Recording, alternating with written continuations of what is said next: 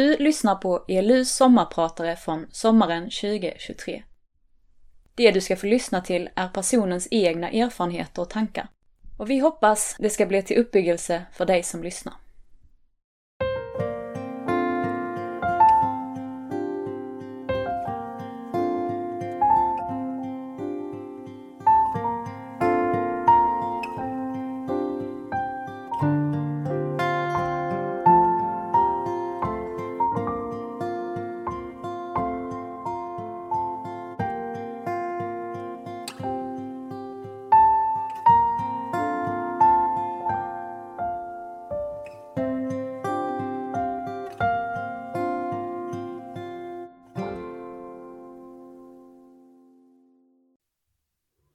Kyrkofadern Augustinus, som levde för cirka 1600 år sedan, beskriver i sina bekännelser, som brukar räknas som världslitteraturens första självbiografi, hur han kämpar med gudstron.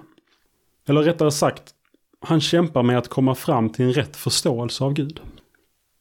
Han berättar massor av spännande saker i den där biografin men just den intellektuella kampen, hans försök att få rätt på sin livsåskådning tycker jag är väldigt spännande. Inte minst för att den har vissa likheter med min egen resa. Jag heter Anders Ek. Jag är doktorand i teologi och jag är predikant. Jag är på många sätt väldigt, väldigt kristen.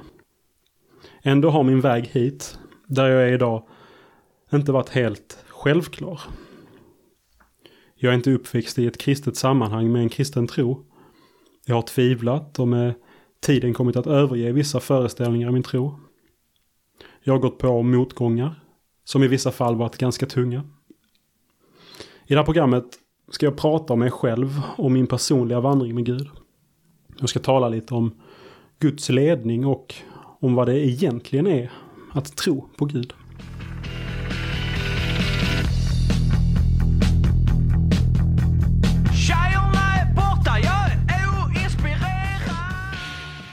Åter till Augustinus. I hans bekännelser berättar han att hans mamma var kristen och att han därför stötte på tron redan när han var liten. Som ung hade han inte mycket till övers för kristendomen, som han uppfattade som primitiv. Inte minst Bibeln såg han ner på och uppfattade den samtida filosofin som långt mer sofistikerad. De filosofiska skrifterna som intellektuellt överlägsna bibelordet. På samma sätt var det för mig. Jag hade i princip ingen kunskap om kristendomen. Men eftersom jag växte upp i det moderna Sverige visste jag ändå på något sätt att kristendomen var en gammal, utdaterad, fånig religion som inte hade något att säga till om idag. Mina föräldrar uppfostrar mig inte in i någon benhård ateism, inte alls. Jag är döpt och jag har aldrig hemma blivit lärd att man inte ska tro eller så. Men sånt där snappar man upp ändå genom att vara en del av en sekulariserad tidsanda. Låt mig fortsätta berätta om Augustinus livsvandring. I sin ungdom anslöt han sig istället till manikeismen. En religiös inriktning som betonade hur godhet och ondska samexisterar i världen i en dualistisk ordning. Och som också hade en mycket märklig gudsuppfattning. I alla fall i den form som Augustinus tog emot manikismen. De trodde nämligen att Gud hade kropp på något sätt. När Augustinus beskriver sin intellektuella resa så fortsätter dessa saker att vara hinder för honom. Han kan inte tro på Gud för han får inte ihop sin gudsbild. Och han kan inte tänka klart kring världen i relation till Gud. Han beskriver hur hans gamla manikistiska idéer dröjer sig kvar i honom hur han trots att han slutat tro att Gud har kropp fortsätter att tänka på Gud på ett kroppsligt sätt, som han säger. Han föreställer sig Gud som en sak som existerar. Om inte i rummet, så i alla fall rumsligt på något vis. Och han får inte ihop det här med ondskan. Hur den kan finnas om man tror att det finns en gud. Fastän jag var på väg bort från sanning, skriver han, trodde jag att jag färdades mot den. Jag visste ju inte att det onda helt enkelt är förlusten av det goda. ända därhän att den inte finns överhuvudtaget. Jag visste inte att Gud är ande och att han inte har lemmar med längd eller bredd. Det klickar inte för Augustinus. Han fattar inte att Gud är något som är så mycket större och bortom den här världen. Att Gud inte är en av alla saker som existerar utan någonting annat. Nämligen själva förklaringen till allt som existerar. Det är först när han har fattat detta som saker faller på plats. Han inser också att ondska egentligen inte finns. Allt som finns har sin existens genom Guds godhet och ingenting som finns är ont. Ondska är istället bara avsaknad av godhet. När han fått rätt på sin gudsbild, det vill säga när han förstått att Gud inte är en del av världen utan förklaringen till världen, kan han äntligen börja tro.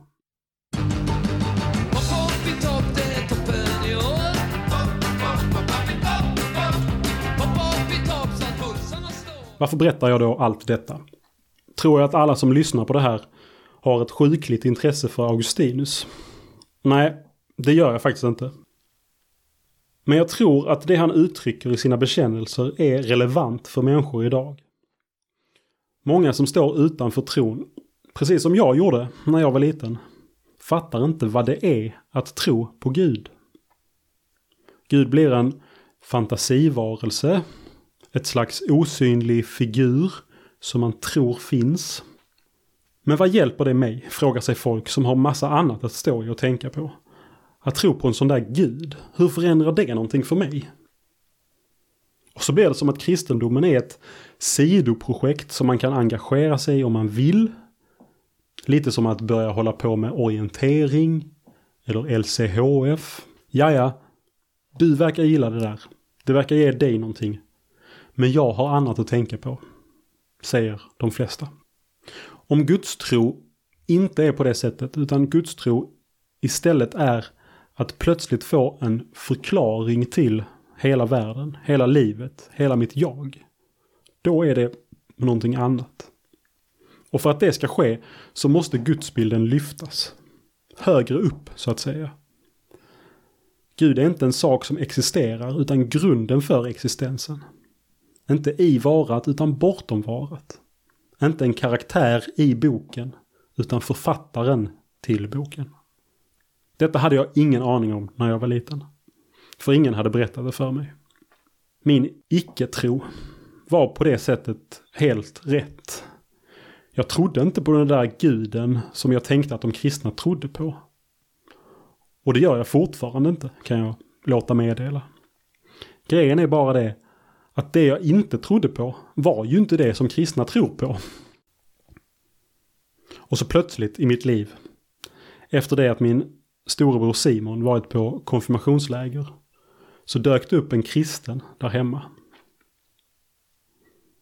Han kom hem och han började bete sig konstigt och säga sådana saker som Hur mår du? Är det bra med dig idag? Och liknande. Ska jag vara ärlig så var det inte några filosofiska överväganden i stil med Augustinus reflektioner som fick mig att haka på tåget och också bli kristen. Snarare så handlade det väl om att jag tänkte att om Simon kan vara kristen, då kan väl jag också vara det då. För han brukar veta vad han håller på med. Jag var rätt liten då fortfarande. Och vad en storebror gör när man är liten, det gör ofta stort intryck på en. Jag följde med in till ungdomsgruppen Brea i Lund. Där fanns en massa vettiga unga människor, roliga, trevliga och ärligt talat mer intellektuellt sammansatta än vad folk i Åkarp, som jag kommer från, generellt sett var. Det var svårt att värja sig mot tron. I tron på Gud så fanns svar på sånt som jag undrat över hela mitt liv. Och där fanns en gemenskap att bli en del av. Vid tolvslaget natten till den 13 november 2004 lyftes jag upp på serveringsdisken på Filippi. Och de tonåringar som var kvar på ungdomsgruppen så sent sjöng för mig. För jag fyllde år. Alla sjöng olika födelsedagssånger. Och Erik som gick i gymnasiet och var äldre än jag, han rappade en egen födelsedagsrapp. Det var svårt att inte bli kristen efter att ha blivit mottagen med sån kärlek av alla de människorna.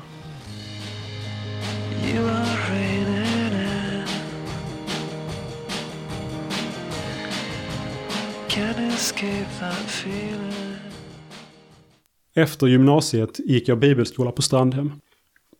Det var kul. Jag var dock lite frustrerad över att det kändes som att vi bara snuddade vid varje teologisk fråga och sen gick vidare.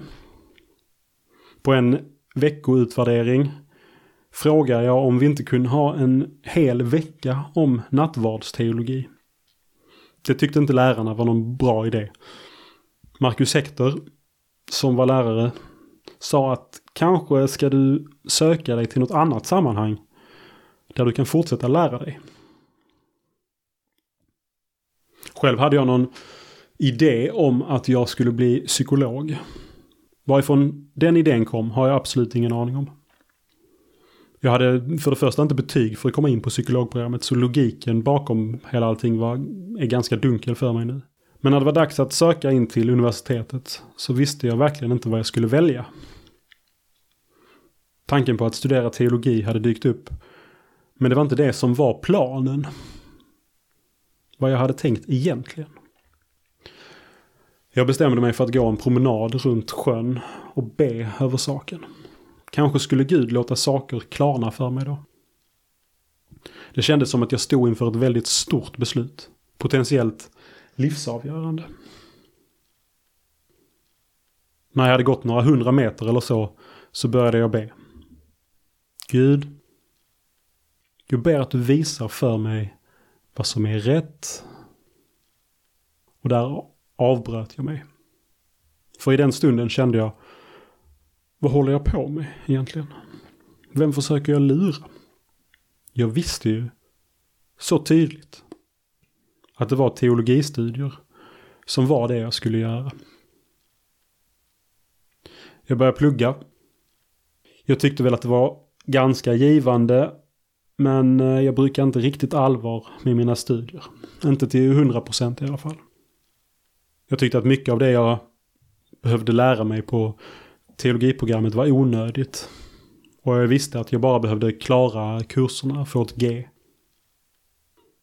När jag sökte till att bli antagen som prästkandidat i Svenska kyrkan tog allting stopp.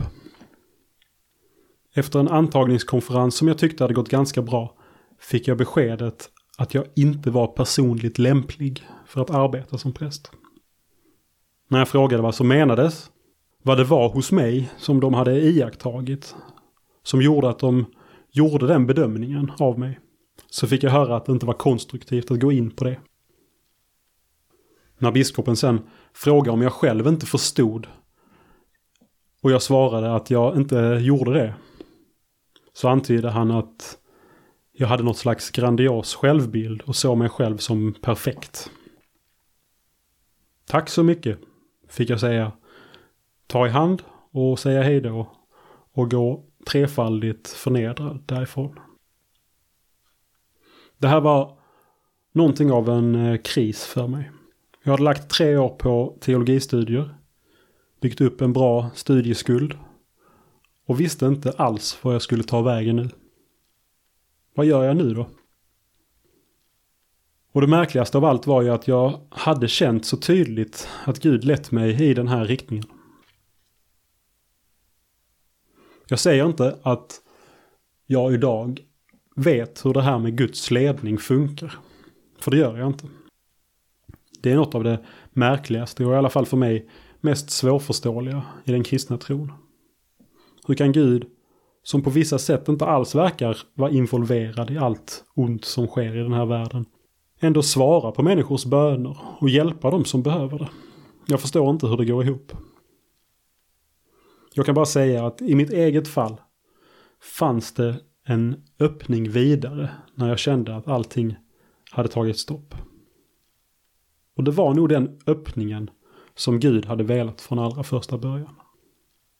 Någon månad efter min krasch så fick jag ett vikariat på samma bibelskola som jag själv gått på. Och därefter fortsatte jag mitt arbete i ELM. Först som ungdomssekreterare i ELU och därefter som predikant i Betlehemskyrkan i Malmö. Ground control to Major Tom.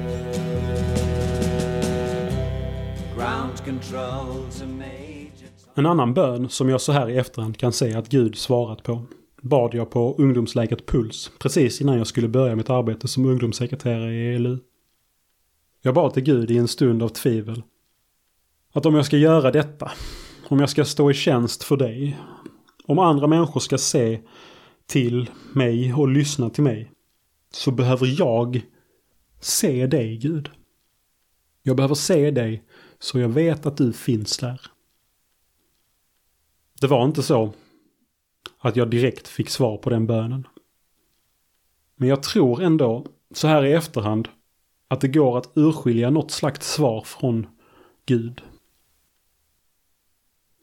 Jag tror att han på något sätt ledde mig in i ett fortsatt sökande som öppnade mina ögon för trons djup. Som hjorten längtar till vattenbäckar så längtar min själ efter dig och Gud. Så beskrivs andlig längtan i Saltaren i Bibeln. Där någonstans, ungefär samtidigt som min tjänst som ungdomssekreterare började, så började också min törst efter mer av Gud. Jag tror att det var Gud som i sin ande gav mig en längtan efter mer. Och man kan nog säga att det var där någonstans när jag började arbeta som mina studier kom igång på allvar. Varje undervisningspass, varje predikan, varje artikel jag skrev blev ett sätt för mig att själv undersöka tron och söka fördjupning. Jag började läsa den medeltida tänkaren Thomas av Aquino och försökte greppa hans sätt att med hjälp av filosofen Aristoteles förklara och beskriva tron. Inte minst hans sätt att tänka kring Guds varande och världens varande och relationen däremellan intresserade mig. Jag startade en grupp för unga vuxna i Betlehemskyrkan där jag undervisade över Saltaren. Dels för att jag tänkte att det skulle vara nyttigt för oss alla. Men också för att jag längtade efter att få tränga in i psalmernas tankevärld. Djupdyka i dem på ett sätt så att de blev en del av mig själv. Jag drog igång en studiecirkel på teologiföreningen Teofil i Lund. Där vi en morgon i veckan träffades och läste kyrkofädernas texter tillsammans. Upp, före sex. Pulsa över Möllevångstorget i Bäckmörker. Tåget till Lund. In på Teofil. Vänta på Peter Nygren som var sen. Sen läsa tillsammans och be. Varje onsdag, vecka efter vecka, i flera års tid. Det var underbart. Vi läste olika slags texter. Teologiska, filosofiska, själavårdande, poetiska. Vi läste de kappadokiska fäderna, Efraim Syrien, Ireneus, Doroteus av Gaza, Ambrosius. Och jag ville bara ha mer och mer och mer. Känslan jag fick av att läsa alla dessa heliga människors texter var inte så mycket att jag lärde mig något nytt. Min upplevelse i mötet med texterna var mer att jag kände igen vad det var de snackade om. Den tro de beskrev, det var min tro, fast förklarad djupare. Just det. Så här är det, tänkte jag. Just det. Sån här är Gud.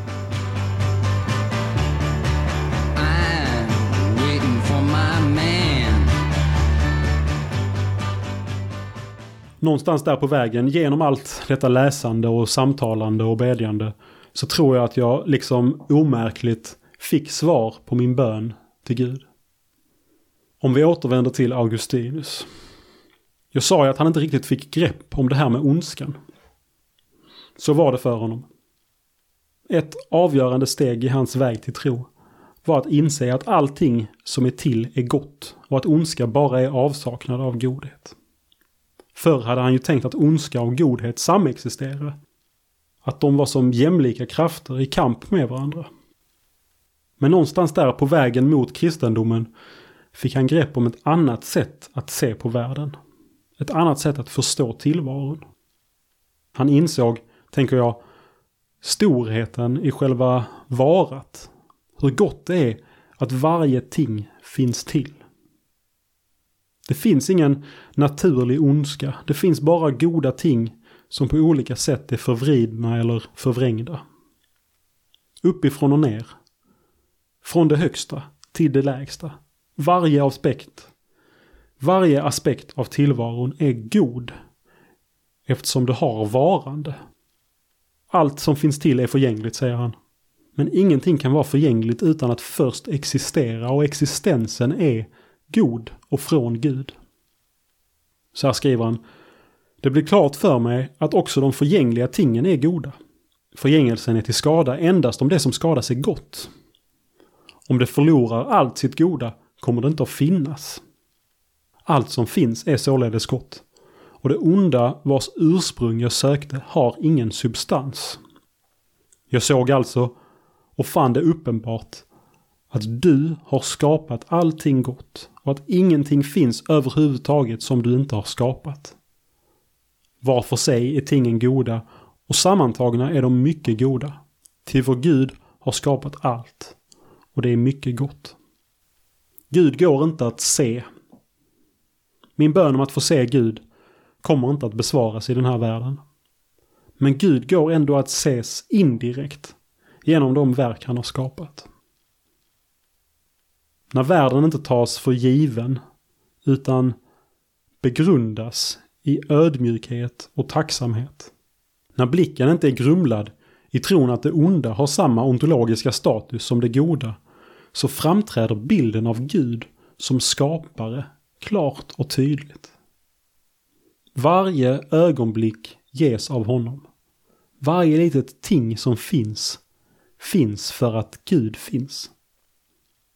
När man väl har sett detta, när man har fått denna visionen av världen och ser att allting är gott och bakom allt finns Gud och hans godhet.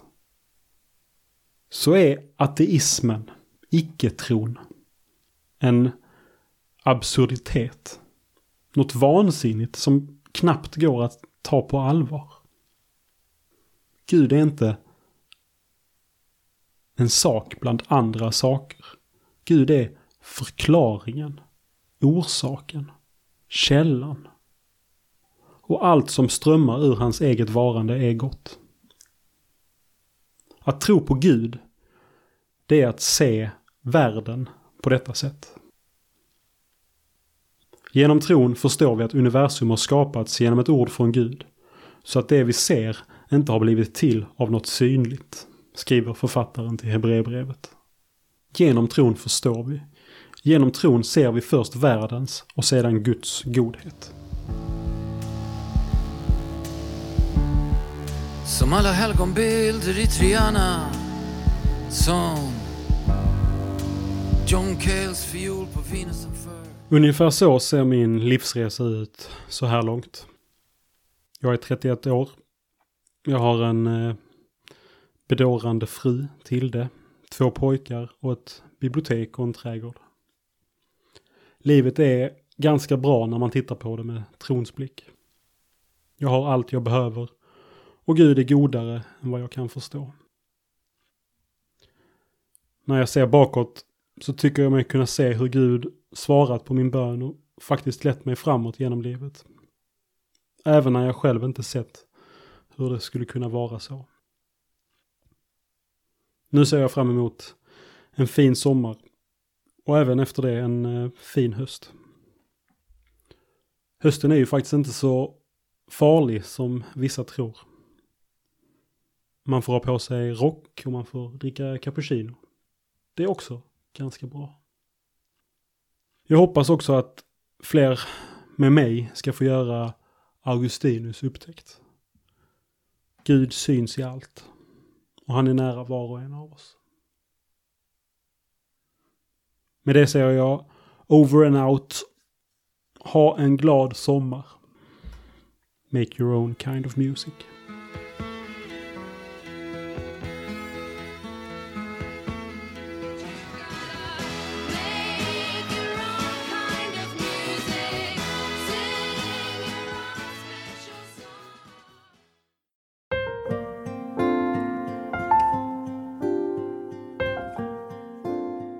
Du har lyssnat på ELUs sommarprat.